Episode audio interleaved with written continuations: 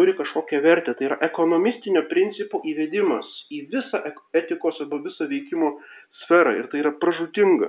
Nes tada vienas žmogus turi vienas vertybės, o kitas turi kitas vertybės ir tos vertybės yra viename lygmenyje, kaip, kaip oboliai turguje sudėlioti. Tai yra visiškai nepriimtina. Mums reikia ginti ne krikščioniškas vertybės, o labai aišku, aiškės tikėjimo dogmas, labai aiškės bažnyčios struktūras ir labai aiškius socialinius principus ir apskritai taip vadinama christianitas arba krikščioniškai civilizacija. Tai yra mūsų tikslas, o ne krikščioniškos vertybės kažkokios.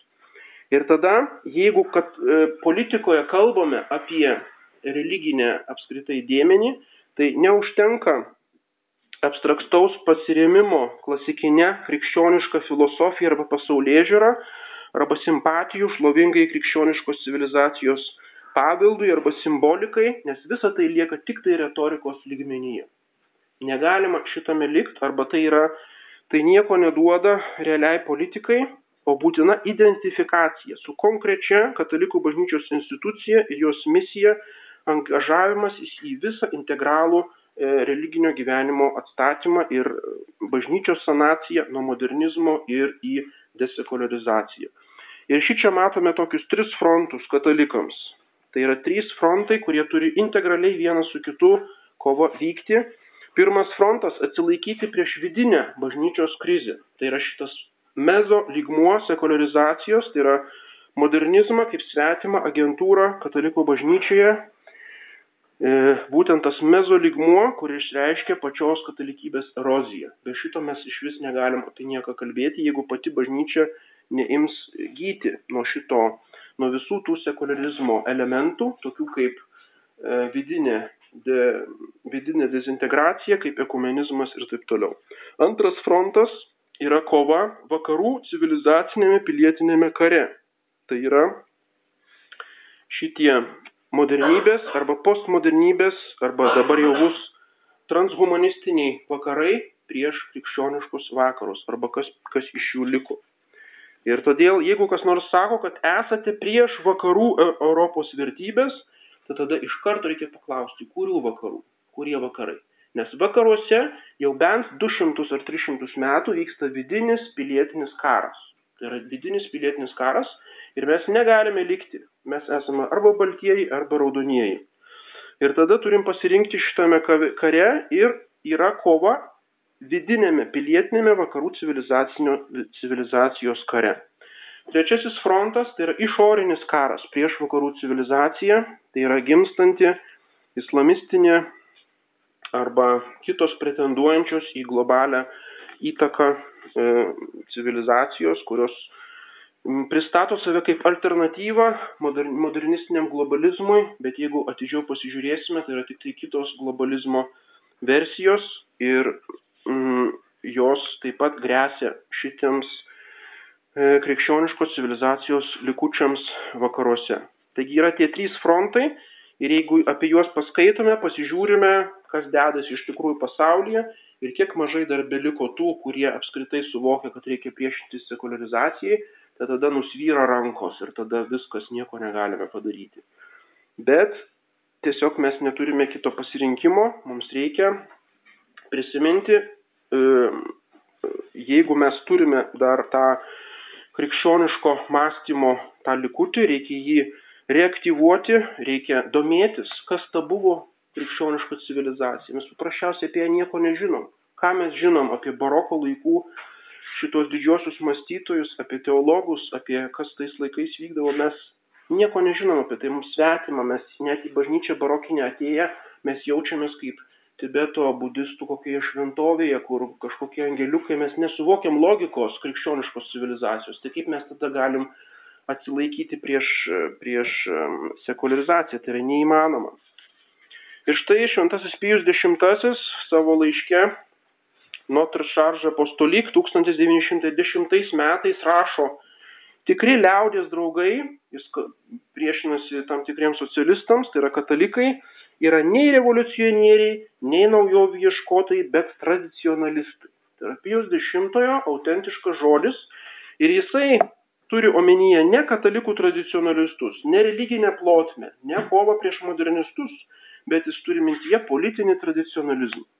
Ir jis aiškiai šitą žodį tam tikrų būdų patvirtina. Reiškia, mes jį irgi galime naudoti. Tai yra politinis tradicionalizmas, kuris yra priešingybė konservatizmo.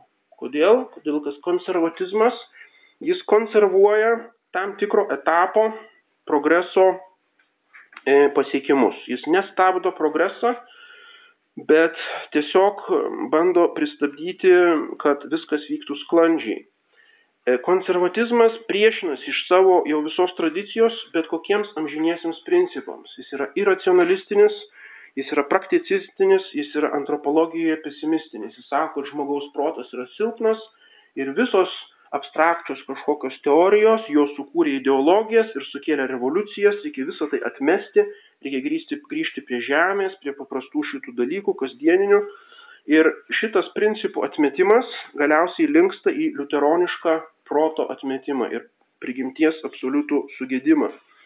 Ir konservatizmas todėl nėra visiškai pajėgus priešinti šitam. Ir konservatizmo linijai dešinėje politinio spektro pusėje būtent buvo prieš pastatytas politinis tradicionalizmas, kuris atvirkščiai teigia tam tikrus amžinuosius principus, tam tikrą klasikinę filosofiją, tam tikrą filosofiją perenis ir žinoma pripažįsta visą sudėtingą tikrovė, kurios negalima dirbtinai kažkaip tai sureguliuoti, jis yra už progresą, bet tik tai tada, kada tas progresas yra atitinka tuos amžinuosius principus. Ir todėl politinis tradicionalizmas, galima sakyti, yra tomizmo filosofijos, tomistinio realizmo įgyvendinimas e, visoje socialinio gyvenimo srityje. Tomistinis tikėjimo, tradicinių autoritetų, empirizmo ir logikos jungimas. Reiškia visus pažinimo lygmenis organiškai jungiame į vieną kryptį. Ir taip pat iš to negalima išmesti būtent bažnyčios ir jos įtakos. Tai yra politinis tradicionalizmas, kuris turi labai gilias tradicijas. Ispanijoje, ypač Ispanijoje, taip pat apie tai buvo atskiras mūsų žurnalo Pulkim ant kelio numeris, yra Prancūzijoje ir kitose šalyse. Taigi, šitais metais išėjo, gal kas pastebėjote, e, išleidau tokią naują laidą knygos žymėjo lietuvių baroko autoriaus, dvasinio autoriaus Mykolo Olševskio knygą Broma atverta ingviečnosti, kuris, kuri yra pirmoji originali dvasinė katalikų knyga lietuvių literatūroje, tokia lietuvių literatūros šiek tiek klasika, tai yra vartai atverti jam žinybę.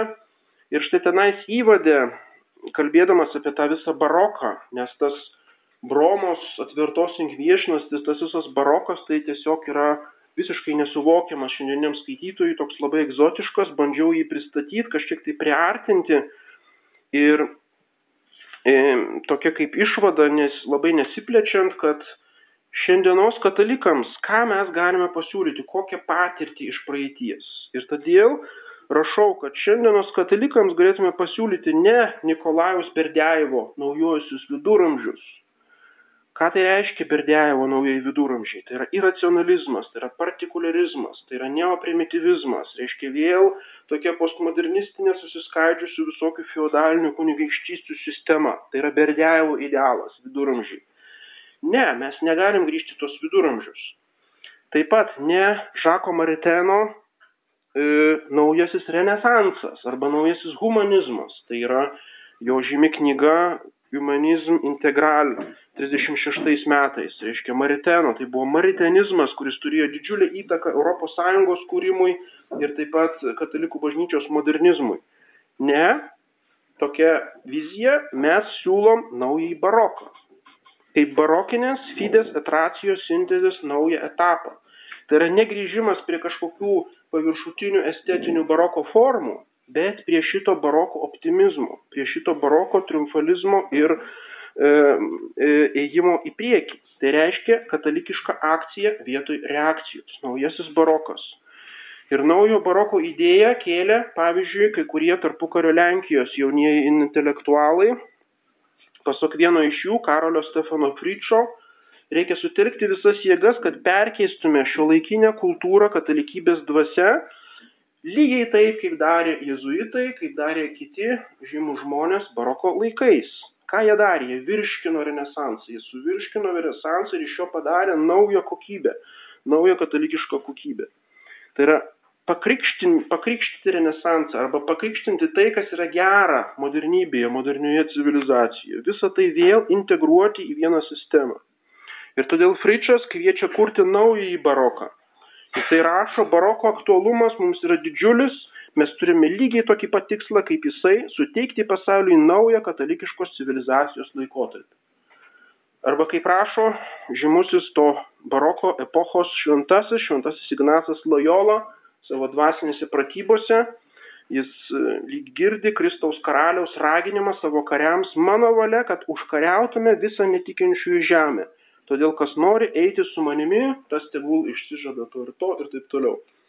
Reiškia, šventasis Ignacas arba jezuitai, ką jie daro?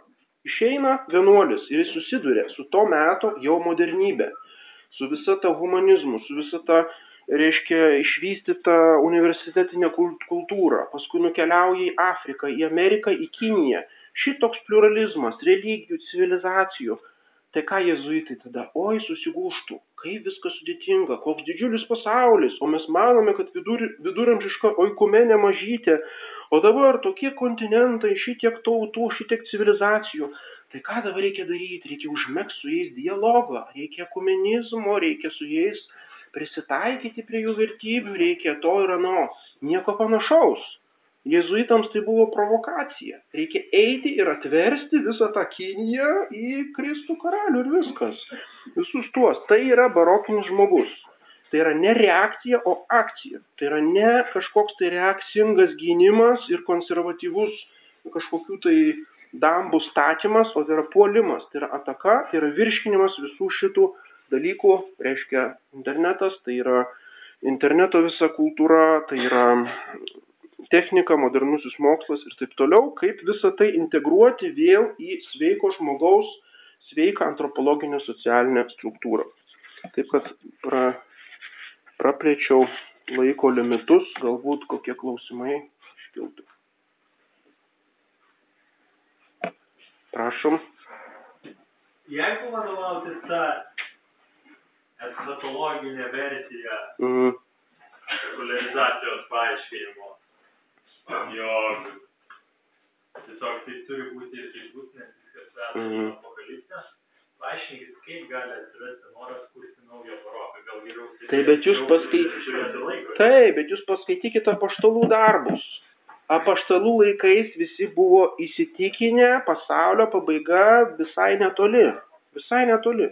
Bažnyčios tėvus paskaitykite žlunga Romos imperija, viskas, bus pasaulio pabaiga jau visiškai už durų, kadangi Romos imperija yra katechon, kuris sulaiko antikristą, viskas, žlunga Romos imperija, toj pat ateina barbarai, viskas, toj pat ateis Kristus.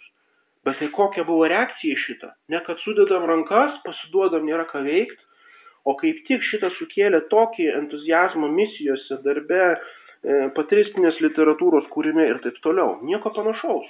Reiškia, mums nereikia nieko išradinėti dviračio, mes galim pasiskaityti katalikų apologetus, galim pasiskaityti bažnyčios tėvus, tuos pačius baroko autorius ir matyti, kokia yra sveika, normali krikščioniška reakcija į tos dalykus. Aišku, bus pasaulio pabaiga, bet tai nereiškia, kad e, turim sudėję rankas, reiškia laukti jos, o turime bendradarbiauti su Dievo malonė, turime priešintis tam, kas blogas, skatinti tai, kas gera. Tokia yra bažnyčios visų laikų misija suprantu, ačiū. O truputį giliau, čia gal filosofinis labiau klausimas.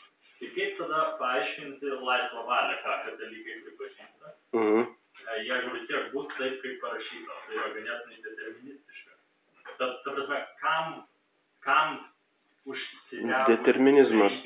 Reiškia, čia yra tas amžinasis ginčas, kur e, lais, žmogaus laisvė, kaip žmogaus laisvė suderinti su E, Dievo prešienciją ir predestinaciją, kad Dievas viską iš anksto žino ir viską iš anksto lemia, kaip tai suderinti su laisvo valia.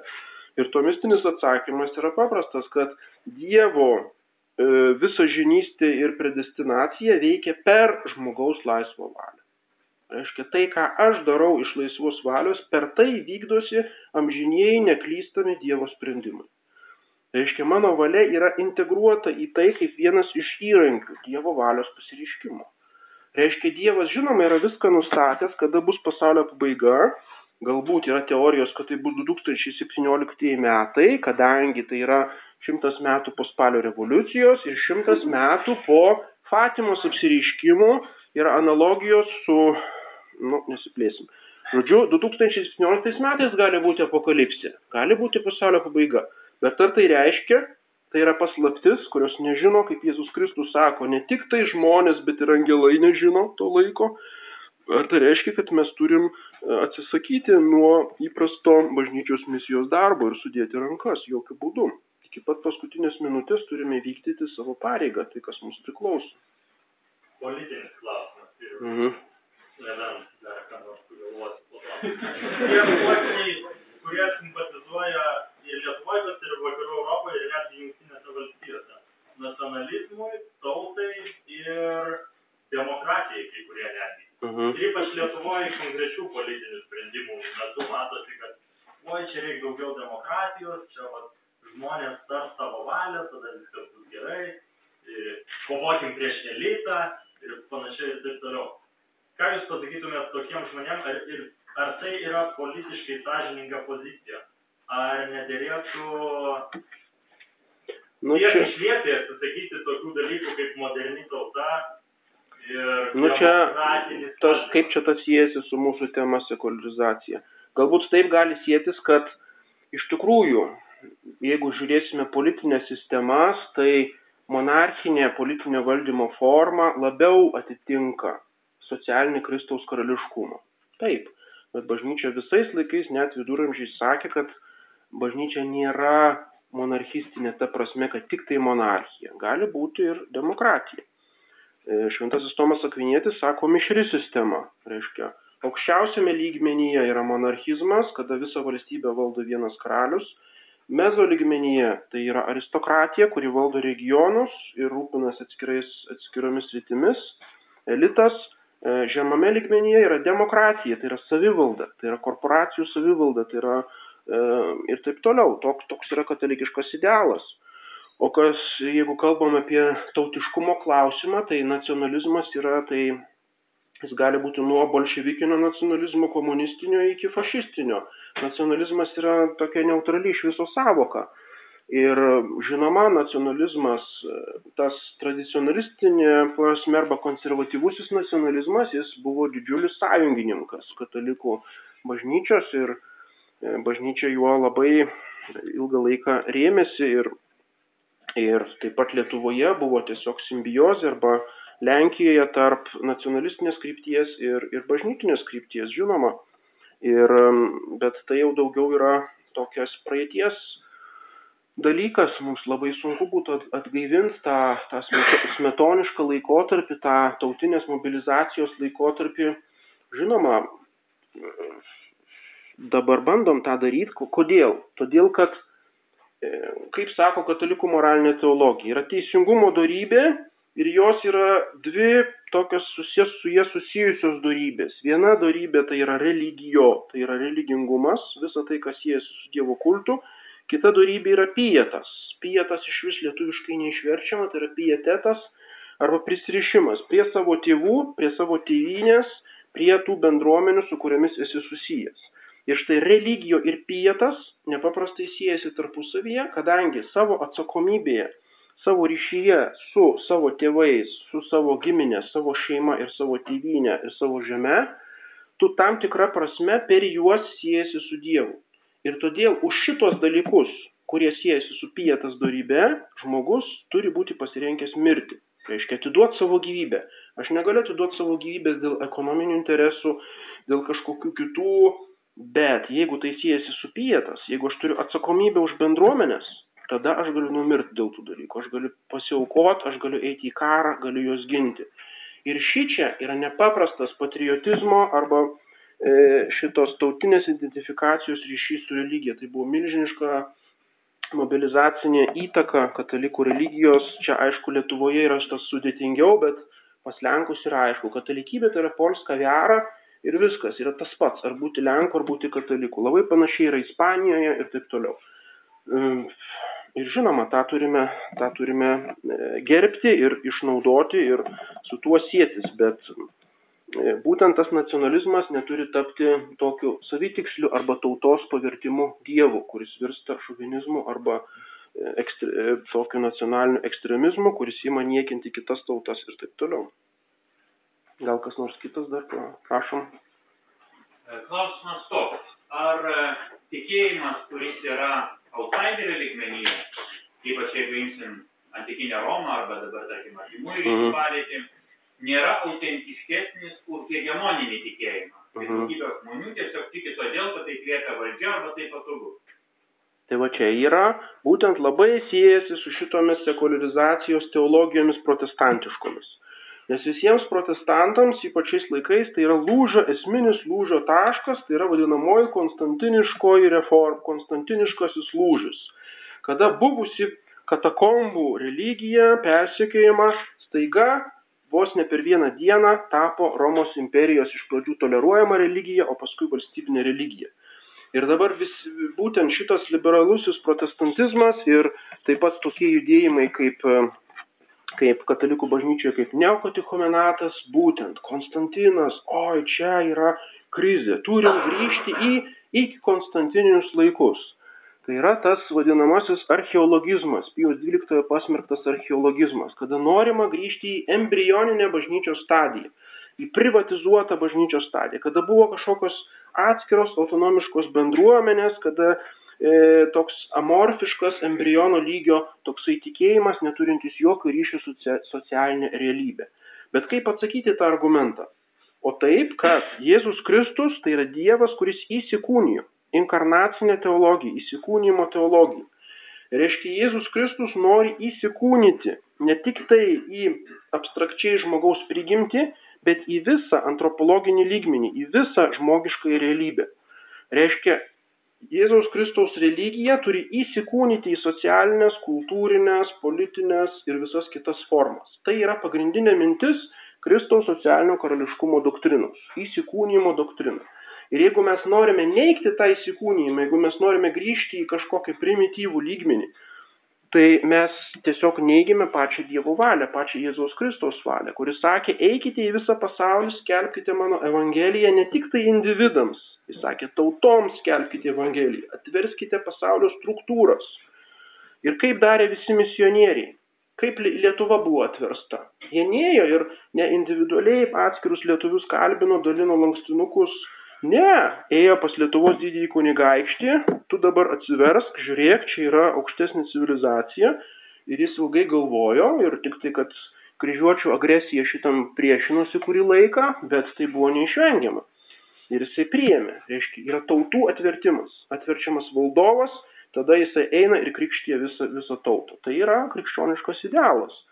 Ir žinoma, visai kas kita, tai yra bažnyčios politizacija arba bažnyčios e, toks vergiškas pajungimas tam tikriems politiniams interesams, kada bažnyčios dignitoriai tampa feodaliniais e, kažkokiais atskirų sričių valdovais, įsilieja į, į, į reiškia, grinai žemiškus klausimus, įsipina Ir tai žinoma yra priešinga bažnyčios misijai. Tada bažnyčia e, tampa pasaulietiška ir prieš tai būdavo visi reformacijos, vidinės katalikų reformacijos judėjimai, kurie priešinosi šitam e, susiliejimui. Turi būti ne atskirimas religijos ir politikos, ne jų susiliejimas, o jų harmonija arba simfonija. Turi būti jų bendradarbiavimas kaip dviejų autonomiškų sferų. Prašom. Visų pirma, labai ačiū už pranešimą paskaitą. Turiu klausimą, kad dabar jau nebe katalikų, jau ne, niekada nereikėjo katalikų akcijos. Taip. Na, o kovos dvasia labai gerai įkvepia pavyzdžiai. Tai šiuo, šiuo metu pasaulyje yra gerų pavyzdžių, jūsų nuomonė, tokios katalikų akcijos. Labai sunku šitą pasakyti. Yra Ispanijoje šito politinio tradicionalizmo toliau tęsiamos kai kurios organizacijos, kurios jau nuo XIX amžiaus veikia. Yra Prancūzijoje tam tikri judėjimai. Yra tas mano minėtasis City katolik, kuris susijęs su e, Švento Pijos X brolyje. Yra taip pat iniciatyvos Anglijoje buvo, buvo leidžiami, toks buvo jaunimo judėjimas, bet žinoma, tai yra, tai yra labai nedidelės, nedidelė, nedidelės tokios iniciatyvos ir žinoma, būtų daug mums lengviau, jeigu mes turėtume vieną aišku pavyzdį, jeigu mes turėtume įkvepiančius kažkokius lyderius, o dar geriau, jeigu atsirastų naujas šventasis, jeigu atsirastų naujas Jonas Kapistranas, toksai misionierius, kuris pakeldavo ištisas tautas, arba atsirastų koks nors kitas, kuris aiškiai parodytų tą Dievo pirštą, Dievo veikimą, tada būtų lengva burtis ir lengva sekti. O dabar dėja šitokio neturime ir turime kukliai dirbti tai, kas yra mūsų jėgose, bet, kaip sakoma, dirbkime lokaliai, o galvokime globaliai. Reiškia, dirbkime tai, ką paėgėme, aišku, be kažkokio fanatizmo, tai, ką galime, bet galvokime globaliai. Reiškia, turėkime identitetą, tos kristianitas, kad mes nesame tik tai savo mažoje Lietuvoje, bet ta Lietuva priklauso krikščioniškai civilizacijai. Ir tai yra kaip didelis laivas. Arba mes nuskesim visi kartu, arba mes visi kartu išsigelbėsim. Lietuva viena neišsigelbės iš šito dalyko. Ir jeigu taip mastome, tada tikrai būtų reikalas domėtis, kas vyksta kitose šalise. Važiuoti, renkti bendras konferencijas, bendrauti su tai žmonėmis toje pačioje Lenkijoje, toje pačioje Vengrijoje, taip pat yra sveikų judėjimų ir Austrijoje ir visur kitur, e, su jais mėgsti, imti jų straipsnius, juos versti, domėtis, kas vyksta. O kas svarbiausia, tai yra ne tik tai dabar sinchroniškai, bet būtent diachroniškai žiūrėti, kas tai buvo ta krikščioniška civilizacija, kas buvo, kas buvo tie viduramžiai, kas buvo tas pats barokas, kaip funkcionavo visa tai. Žinoma, mes jokių būdų negalim kopijuoti, mechaniškai kažko tai imti arba sakyti, dabar turim atkurti barokinio absoliutaus monarcho kokią nors imitaciją. Nu, tai yra nerealistiška. Bet turim žiūrėti į principus, kokiais principais tie žmonės vadovavosi, kaip tas funkcionavo, kaip buvo vykdomos tos misijos, kaip tie jezuitai kalbėjosi, tarkim, su kinų imperatoriumi, kaip buvo integruojamas mokslas, kaip jezuitai įgavo įtaką universitetuose, kaip jie įtakojo įvairiausios mokslų sritis ir struktūras. Ir čia galim pasimokyti daugybės dalykų. Pirmiausia, turim pažinti, kas tai yra ta kristianitas. Be to pažinimo, o tam jau tikrai labai daug reikia energijos ir laiko. Ir čia tikrai didžiulė yra veiklos rytis. Mums nereikia laukti, kad kažkoks ateis mesijas ar išvaduotojas, kuris mus išgelbės. Prašom iš dalies paantrinant, iš dalies oponuojant kolegai. Popiežius Pranciškus. Jūs teigiate, kad ekumenizacija savotiškai spartina sekularizaciją. Ir popiežius Pranciškus yra pakankamai ekumeniką skatinantis vadovas. Tai kaip jūs įvertintumėte kaip asmenybę, kaip autoritetą ir ar jo negalima būtų savotiškai vadinti sekuliarizaciją skatinančių vadovų.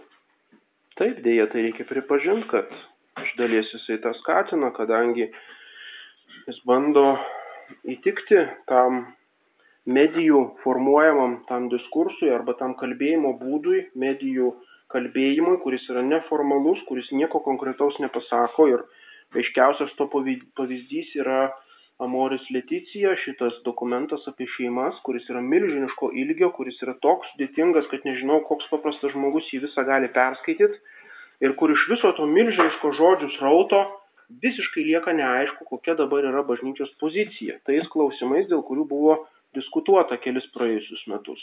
Tai yra, nežinau kaip tai pavadinti. Jeigu jau Jonas Paulius II ir jo šeimos ir lyties samprata jau yra kažkokie tai arhaiški viduramžiai, Tai jeigu toks progreso tempas, tai po popiežiaus pranciškaus sekantis popiežius, aš nežinau, kokias tada reformas pasiūlys, gal ant galvos vaikščioti ar bažnyčio ar kažkaip, tai reiškia matom tą, tai yra akivaizdus pasidavimas e, tam visam medijos spaudimui, kiekvienam žurnalistui kalbama tai, kas jam patinka ir nėra jokio, jokio priešinimus, nėra jokio sprendimo vidiniai bažnyčios kriziai, jokių receptų.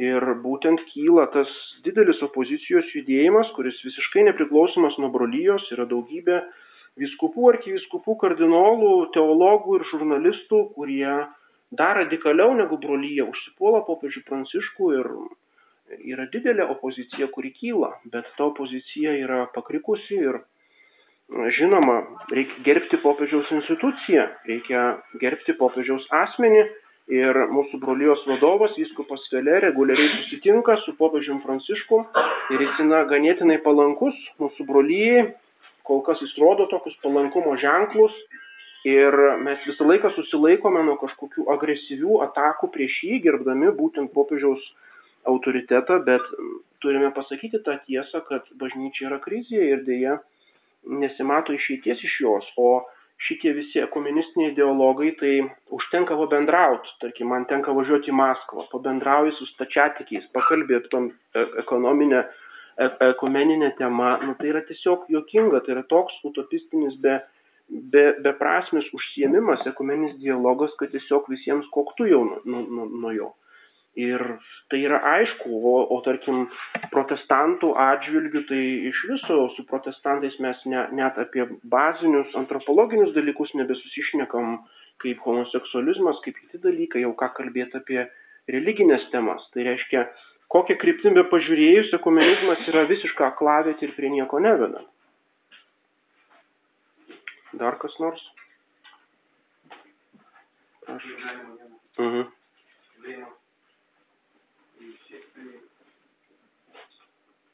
Matau vieną problemą.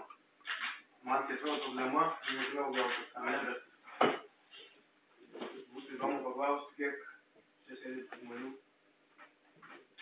turi prieštaravimų, tam, kas buvo pasakyti. O, čia tikrai būtų įdomu. Ta sakau ne dėl to, kad provokuočiau kažkokią didesnę diskusiją, bet visų pirma tam, kad pasakyčiau, kad man atrodo, labai dažnai, kai mes taip sueinam, tai susitinkam, kažką pasakom tau, pritarėm tam, kas pasakyta ir, ir viskas to pasibaigia. Problema ta, kad skelbiam savo idėjas tiems, kurie joms ir tai pritarė. Tiesiog dar susibūrėm, kad kartu pasidžiaugtume, kad atpažįstam teisingas pažiūras. Taip, visiškai teisingai. Panašiai prieš tris metus, turiu galvoj, nepanašiai kaip šiandien, šiandien kaip yra šiandien, nežinau. Bet panašiai prieš kelis metus, kai buvo į Lietuvą atvykęs Deni Vatimo, kuris irgi išnekėjo apie sekularizaciją. Tai taip pat įvyko konferencija apie sekularizaciją. Galbūt dalis čia sėdžių žmonių taip pat ten dalyvavo. Ir iš esmės buvo taip pat gražiai palinkėta, kaip įdomiai žmogus interpretuoja tai, kas vyksta pasaulis religija. Tai šiaip nėra kažkoks atsitiktinumas, kad iš čia sėdinčių žmonių aš nematau nei vieno, gal nei žiūri, bet atrodo, kad nematau ir nėra, kurie yra tikrieji tyrinėtojai šito reiškinio būtent šitam fakultete. Kitaip tariant, jie tiesiog netėjo, kad klausyti. O tai čia taip, kadangi Vilniaus universitetas tai turi e, aiškias struktūras, kurios domisi, tai aš nežinau, ar yra iš besidominčių, tai ar studijuojančių religijotyrą ar ką nors, nežinau. Ar... Aš taip noriu dar užbaigti. Tai pirmas dalykas, matau problemą, kad susitinkam išgirsti pažiūras, kurios mes, kurioms mes visai pritarėm. Todėl klausimas, kur tai veda ir kas garantuos, kad tai kažkur veda. Ne, tai yra kuklus, kuklus pasiekimai kuklus, bet jie svarbus mūsų pačių samoningumui pakelti ir taip pat e, tų samoningų žmonių konsolidacijai. Kodėl? Tai yra, aišku, ilgas, ilgokas procesas, bet reikia renkti konferencijas, reikia kalbėti internete, pamažu, pamažu, žmonės galbūt apie tai neaiškiai masto, bet paskui kažkaip jiems padeda tai suformuluoti aiškiau ir visą tai telkia tam tikrą. Ir geriausias pavyzdys yra propatija judėjimas, kuris iš įvairių perspektyvų telkia tuos žmonės, kurie bent dalinai E, sutarė ir paskui iš viso to kils tam, tikras, tam tikros iniciatyvos, kurios turės įtakos platesniems sluoksniams. Kodėl? Tai nėra, tai tiesiog reikia kantrybę šiek tiek turėti, man rodos. Mhm. Mane ganėtinai nustebino tai, kad jūs užsiminėt nelabai aišku, kokia kokios tos sakralizacijos priežastys. Ir nėra taip vienareikšmiškai aišku, ką su daryti. Tai šiaip jau, na, aš teisėjau su tuo, kad daug žmonių čia, kurie tą tikrai gerai studijuoja, netėję. Ir šiaip jau neramina tokia nuojauta, kad tiesiog kvietimas akcijai nėra dar, dar, vienas, dar vieną kartą pakartotas raginimas kažką daryti. Sakau tai todėl, kad, sakau kodėl. Šiaip, jeigu mes iš tikrųjų esam pasiryžę kažką daryti, reiškia, yra labai aiški priežastis, kodėl. Ta priežastis yra tik tuo met, jeigu mes iš tikrųjų labai aiškiai žinom sekularizacijos priežastį kaip mes galim kovoti su šitu reiškiniu, jeigu nežinom jo gelminių, gelminių priežasčių, arba sakom, kad jų yra keletas. Ir netaip lengva. Mm, ne, kodėl? E, vis tiek. Tai, kad galbūt problema yra ta, kad mes tiesiog nesam pajėgus kovoti su pasaulio kunigaikščiu. Būtent tuo, kuris ir patraukia į sekularizacijos pusę tiek daug žmonių. Taip, patys nepajėgus, bet su. Tampa, mano manimus, pagunda pasmerkti žmonės, kurie eina civilizacijos liniją ir juos nurašyti. Reiškia, tie, kurie čia šiandien atėjo, iš esmės yra žmonės, kurie pasmerkti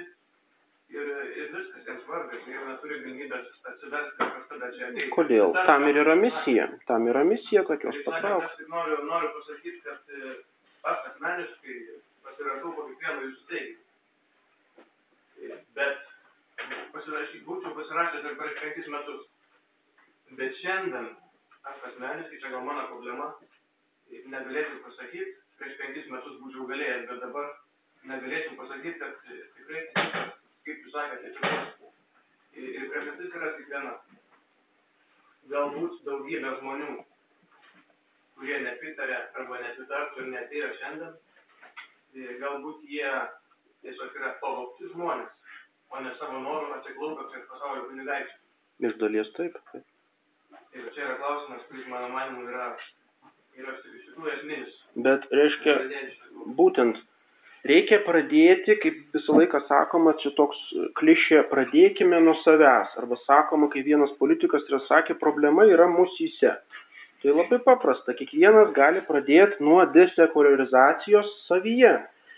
Pagalvoti, ką reiškia man religija, ką reiškia man bažnyčia, kaip aš galiu kalbėti abstrakčiai, kad aš pritariu krikščioniškos civilizacijos, reiškia, atstatymui arba jos gelbėjimui, o pats, tarkim, savo išvaizdą demonstruoti, kad aš esu liberalas, vaikštų su kokiu nors užrašu, su, reiškia, iš išvaizdos viso savo elgesio, savo atostogų, savo laisvalaikio leidimo būdo iš viso aš esu lygiai toks pat liberalas ir sekuliarus žmogus kaip visi kiti. Bet širdyje aš galvoju, ne, aš Reiškia, pradėkime nuo savęs. Ta prasme. Ir čia jau yra milžiniškas veikimo laukas, tada mes duosime pavyzdį kitiems. Ir paskatinsime kitus. Taip pat kiekvienas savo srityje, ar intelektualinėje, arba savo bendruomenė, arba savo šeimoje mes galime mm, kalbėti apie tas idėjas, galime jas kleisti. Ir kiekvienas, jeigu darys tai, kas jam priklauso, toje bendruomenėje, už kurią jis yra atsakingas, tose postuose, kurie jam pavesti, tik tai šitaip buvo sukur, sukurta ir išsiplėtė katalikų bažnyčia ir lygiai tas pats receptas nuo amžiam žinųjų yra kovoje prieš sekularizaciją. Nėra kito recepto, nereikia išradinėti dviračių. Reikia daryti lygiai tą patį, ką, kas visą laiką buvo daroma, tik prisitaikant prie šių laikų sąlygų, naudojantis moderniomis priemonėmis. Kodėl galime veikti? Čia toks būtų šiek tiek pesimizmas, kad Jeigu mūsų mažai, jeigu mes e, e, nesugebame taip staigiai transliuoti savo žinios kitiems, tai reiškia reikia nuleisti rankas ir mes nieko nebepadarysim. Kodėl? Galima šitą padaryti. O be to pats svarbiausias dalykas tai yra savo sielos išganimas. Tai yra skęstančių gelbėjimas yra pačių skęstančių reikalus. Tai reiškia, jeigu aš neprisidėsiu prie to, kad Jėzus Kristus išganytų mano sielą, tai tada niekas kitas to už manęs nepadarys. Ir aš negalėsiu apkaltinti, kad aplinka kalta, kad pasaulis sekularizuotas, kad bažnyčioje modernistai, kad tokie yra nokie. Nieko aš negalėsiu pasakyti. Aš esu atsakingas už savo sielos ir už man pavestųjų sielų išganimą. Viskas. Ir aš tą darbą dirbu. Jeigu galėčiau įsi... Ar dar Prašom, nori? ne, tai prašom gal. Gal, gal dar. Mhm.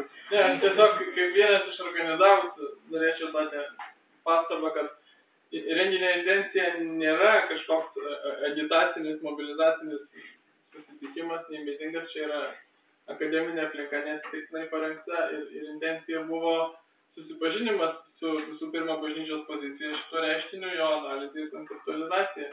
Net jeigu čia dauguma pritarė tam, kas buvo pasakyta, nors mano viltis buvo, kad nemaža dalis ir nepritarė, nes galgi ne vien katalikiška publika susirinko, e, tai nereiškia, kad čia dabar reikia, kad, kad šitas renginys turėjo sutelkti žmonės eiti kažką daryti. Tai buvo visų pirma reiškinio analizės paskaita. Dabar gali tęsti. Tęsiant gyvenimą, tą klausimą pasakyti. Mm, Gerai. Pirmas klausimas. Kodėl gi ne? Tai gali sutelkti mūsų teismas ir būtų gražu pasitelkti teismas, kaip jaunimas tam yra linkęs veikti. E, Dabar klausimas, mes neturim nuleisti rankų, nes e, turim rūpinti savo sielą, atstatyti Kristaus karališkumą savo sielai, turim statyti katalikišką valstybę, eiti toliau, ar tai būtų demokratija, ar tenai monarchija, bet neliberali, katalikiška, vienareikšmiška, aišku.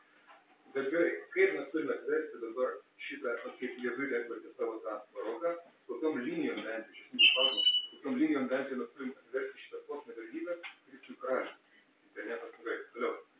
Jūsų, jūsų komentarus. Ne, nu tai, tai ir yra katalikų akcija. Pijus XI, e, katalikų akcijos, ta, ta jau buvo plėtojama mintis Leono XIII, paskui yra Pijus X, o ypač Pijus XI pabrėžė katalikų akciją. Pirmiausia, skaityti popiežių dokumentus, ką jie siūlo. Paskui pasižiūrėti, kaip tarpukario laikotarpiu veikia kataliko akcija, ką jie darė. Žinoma, tuomet buvo didžiausias pavojus socializmas, darbininkų klasės perėjimas į socializmą. Ir todėl tuo metu kataliko akcija labiausiai akcentavo į social... darbininkų klasės e, gelbėjimą nuo šitos sekularizacijos, nuo jos atitraukimo.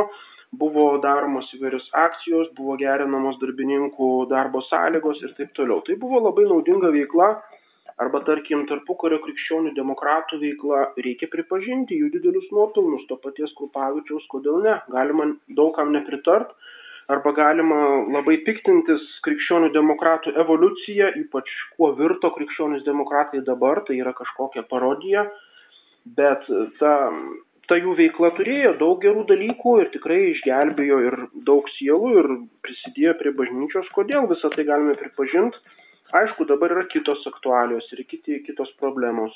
Ir tas jau veikia. Ta pati pro-life visas judėjimas. Super didžiulis judėjimas, tai yra ta pati katalikų akcija, nieko kito. Lygiai tas pats, gali taip nesivadina. Bet nereikia akcentuotis vien į pro-life, nes tai yra tokia irgi bloga tendencija, kada kas tai yra katalikybė. Katalikybė tai yra grupė žmonių, kurie yra prieš kontracepciją ir abortus ir pornografiją. Nu tai klausykit, čia nėra katalikybės esmė katalikybė yra daug platesnė, tai yra Jėzus Kristus ir, ir taip toliau, išganimas. Mes negalim vieni tai į vienus vartus varyti. Tai yra tas reakcingumas, kad matom tą problemą, kur yra reali, prieš kurią reikia kovoti, bet taip susitelkima, kad nieko kito nėra pasaulyje. Tik tai tie kontracepcijos įvairiausios formos, ten kaip abortas, ar in vitro, ar prieš in vitro, tai nu, čia yra tokia, toks suprimityvinimas viso to krikščioniško diskurso. Ir tada tam pasauliui būtent ta tokia žinia, message, kas tai yra katalikai, kurie reakcingai priešinasi reprodukcinės sveikatos progresui ir taip toliau. Nu tai negalima iki to lygio nusileisti. Mes turim į tą patį pasaulį kalbėti apie krikščionybės politinę programą, socialinę programą, e, santykius su moderniu mokslu, empiriniu ir taip toliau. Tūkstantis kitų problemų yra. Ir jeigu kiekvienas savo srityje, kur jis yra specialistas, prie to prisidės, tai yra katalikų akcija, niekas kitas. Dar gal. Prašom. Esu filosofas ir visi paprastas. Kaip kaip reiškinį vertinkime, kad šiandien mes kalbam apie vakarų civilizacijos dekadentiskumą, sakykim, ir dalies žlugimo pradžią ir taip tas reiškia ir sekularizacija, tai reiškia atitolimų nuo religijos, nuo Dievo. Iš kitos pusės mes matom paskutinius 30 metų ypatingai labai stiprėjantį islamo judėjimą, kuris užima, sakykime, jau fiziškai ir dalį Europos. Kaip, kaip aspektu? Tai šitas dabar yra pagrindinis toks argumentas apskritai kalbos e, tokie, toks punktas, punktas, tarkim, Lenkijoje. Dabartinė Lenkijos ta politinė valdžia ir tendencija, kas tai yra? Tai yra katalikų talibanas, tai yra katali, katalikistai, kaip islamistai, taip yra katalikistai, tai yra katalikiškas fundamentalizmas, tai yra teokratija, nori primest mums teokratiją ir taip toliau. Ir čia vat reikia tą išsiaiškinti, kad mes patys suprastume, E, kad, reiškia, ka, kas yra ne taip, reiškia, kas yra fundamentalizmas. Tai yra neišmintingas redukcionistinis kuri, e, judėjimas, kuris religinius dalykus suveda į kelias dogmas šūkius, nepaisydamas sudėtingos tikrovės, kuris yra populistinis ir kuris yra, tai reikia pabrėžti, antitradicionalistinis. Fundamentalizmas yra antitradicionalistinis. Tarkim, reikia paskaityti Egdūnas Račius Musulmonai ir jų islamai, kuriame labai aiškiai skiriamas tradicionalistinis islamas, legalistinis sufistinis liaudės islamas nuo revivalistinio islamo. Tai yra vahabizmas, tai yra fundamentalizmas, islamizmas. Tai yra priešingybės. Fundamentalistinė laikysena ir priešingybė politiniam ir religiniam tradicionalizmui.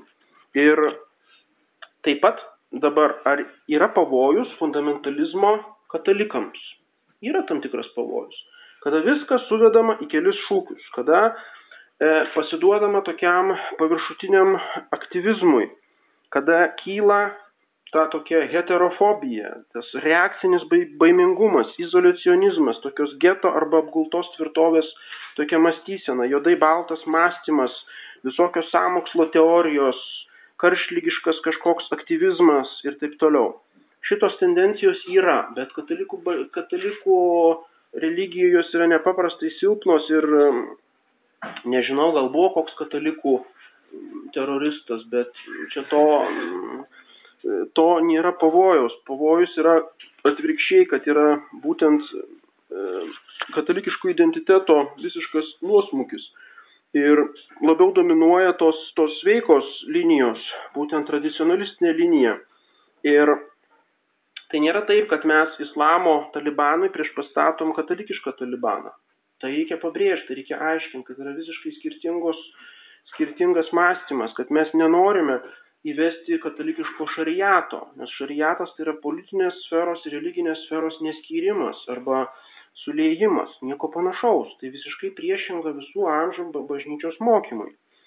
Politinė sfera, kultūros sfera, mokslo sfera turi savo autonomiją. Bet Jos visos turi būti integruotos į vieną sistemą. Ką mes prieš priešinam islamistams? Ne kažkokius e, karingus šūkius, va, kas yra labai būdinga antiislamistiniams judėjimams, kurie tik tai akcentuoja tą vieną problemą ir skatina tokią ksenofobiją, tiesiog neapykantą ir taip toliau. Tai nėra atsakas į islamo, islamo agresiją. Kaip mes galim, pas, užtenka paskaityti šito aš prancūzų kalbos nemoku, kaip tas autorius pasidavimas, tas žymusis romanas dabar. Kaip? Kuelebek. Nu tai aiškiai rodo, kame problema. Ne islamizmas, o pačių europiečių išglebimas, bejėgiškumas ir visiškas amorfizmas. Kaip mes galim pasipriešinti islamizmui, nerengdami e, demonstracijas prie mečečių ar ten demaskuodami kokius nors e, islamistų pamokslautojus ar kaip nors kitaip, skatindami kažkokią neapykantą migrantams ir taip toliau, bet prieš pastatydami tas vertybės, kurias patys turim. Kas aš esu? Kas aš esu toks, kad manęs neturėtų islamizuoti islamas? Ar aš turiu savo religiją, ar aš turiu savo dievą, ar aš turiu savo įsitikinimus? Ir musulmonai šitą labai gerbė, šitą reikia pripažinti. E, yra daug pavyzdžių, tiesiog, kad jeigu mato kad katalikas arba krikščionis turi savo įstikinimus, musulmonai tikrai nėra agresyvūs ir labai mielai diskutuoja apie tas problemas ir tikrai ne kiekvienas musulmonas yra fundamentalizmas, o tiesiog ta religija, ta civilizacija, kurios svetima, ateina į tuščią erdvę, jinai ateina į dykumą. Jinai ateina taip, kaip tie beduinai keliaudavo per visas kitas dykumas į tokią pačią dykumą. Marodos čia mm, amžinatvisi Patackas, ar kuris sakė, kas yra lietuvių tauta. Tai yra e, žmonių minė klaidžianti e, priekybcentrių dykvietėmis. O tai yra lietuvių tauta. Tai yra minė, kuri amorfiška prekybos centruose apsipirkinėja. Vat. Tai tada tai yra dykuma. Ir jiems natūralu ateiti į dykumą ir ją civilizuoti, ją kolonizuoti. Tai tikras, tikroji reakcija prieš islamizmą yra suvokti, kas mes esame, ko mes norim, ką mes statome. Ir jeigu mes tą parodome, tai yra neįsivaizduojama, kaip tai yra patrauklu tiems migrantams, kiek yra tūkstančiai atsivertimų iš šitų musulmonų imigrantų.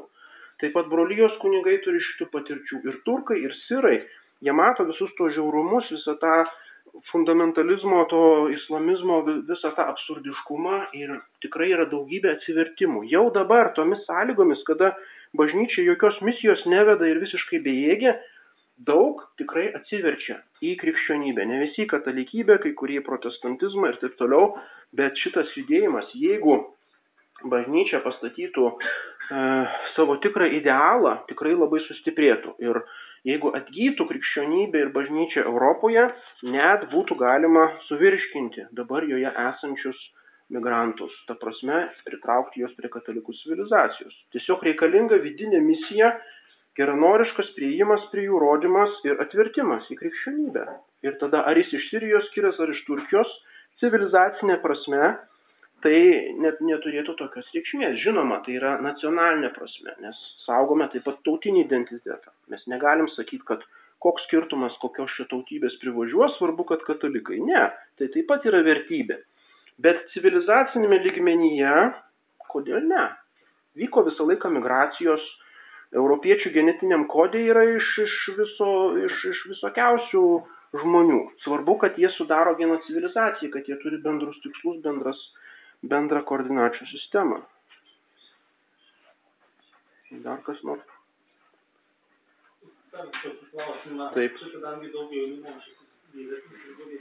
Kaip aiškintume tą reiškinį, reiškia, kad jeigu imtumėm 85-6 metus Lietuvoje bažnyčia kaip institucija, tai buvo, sakykime, represijos didelės, tai turėjo daug didesnį socialinį vaidmenį negu šiandien. Kaip paaiškintume tą žlugimą bažnyčios kaip institucijos visuomenės. Taip, va tarp religijos sociologų tai buvo argumentas. Pirmas argumentas, žiūrėkite, pro geležinės uždangos e, žlugimo, koks religijos renesansas rytų Europoje. Reiškia, kur jūs matote linijinę sekularizaciją? Nieko panašaus, religija atgyja. Bet tas truko labai labai neilgai. Dabar ateina islamizmas. O iššaukia, kur čia sako sekularizacija? Nėra sekularizacijos. Žiūrėkit, islamas, kokia religija. Religija tik tai klesti ir įgauna vis daugiau įtakos. Pasižiūrėkim, kiek tas islamizmas tęsis. Kas tai yra islamizmas? Tai yra reakcija prieš vidinę sekularizaciją pačiame islame. Kadangi sekularizacija paliečia ne tik tai katalikybę, ne tik krikščionių religiją, bet visas religijas kaip tokias, paliečia pačią religingumo struktūrą. Ir jeigu pažiūrėtume tą patį Iraną, koks yra sekularizacijos laipsnis, pažiūrėtume Saudo Arabiją, kaip ten jaunimas linksminamsi su dėktinė ir žiūrėdamas vakarietiškus filmus, tai dar pagalvot, ar ten nemažesnis sekularizacijos laipsnis negu, negu Europoje. Taigi islamizmas yra reakcija prieš, pirmiausia reakcija prieš pačią, e, prieš pačią islamo krizę, galima sakyti. Ir tuos visus procesus reikia matyti. Ir būtent tiktai tos visumos e, toks mąstymas, e, matymas, holistinis visų tų elementų leidžia priimti tokią sveiką laikyseną būtent visų tų konkrečių procesų e, atveju. Ir būtent nereikia dabartinių, tai ką laikrašiai dabar rašo, laikyti kažkokią amžiną tendenciją. Ką mes žinom, lygiai taip kaip 90-ais kaip puikiai aprašo Paulius Subačius dabar šitoje studijoje Katalikų bažnyčia paskutinius metus Lietuvoje, kaip tikrai buvo daug iliuzijų, kai buvo steigiamos didžiulės leidyklos Lietuvoje, kad dabar platinsim milžiniškais tiražais katalikišką literatūrą ir kaip paskui viskas, viskas užlugo. Reikia mąstyti strategiškai ilgą laikotarpį ir galbūt ta islamizmo problema taip pat yra nėra tokia ilgalaikė. O tai, kad žlunga, kad žlunga krikščioniška civilizacija, tai yra globalistinė problema. Ir ją reikia spręsti, o ne tuos e, aktualius klausimus, į juos pirmiausia kreipti dėmesį. Žiūriu į laikrodį, žiūriu į jūs besisirtančius ir suprantu, kad išnaudojam turbūt energijos ir dėmesio. Gerai. Resursus, tai ačiū labai. Dėkui uždėmesi.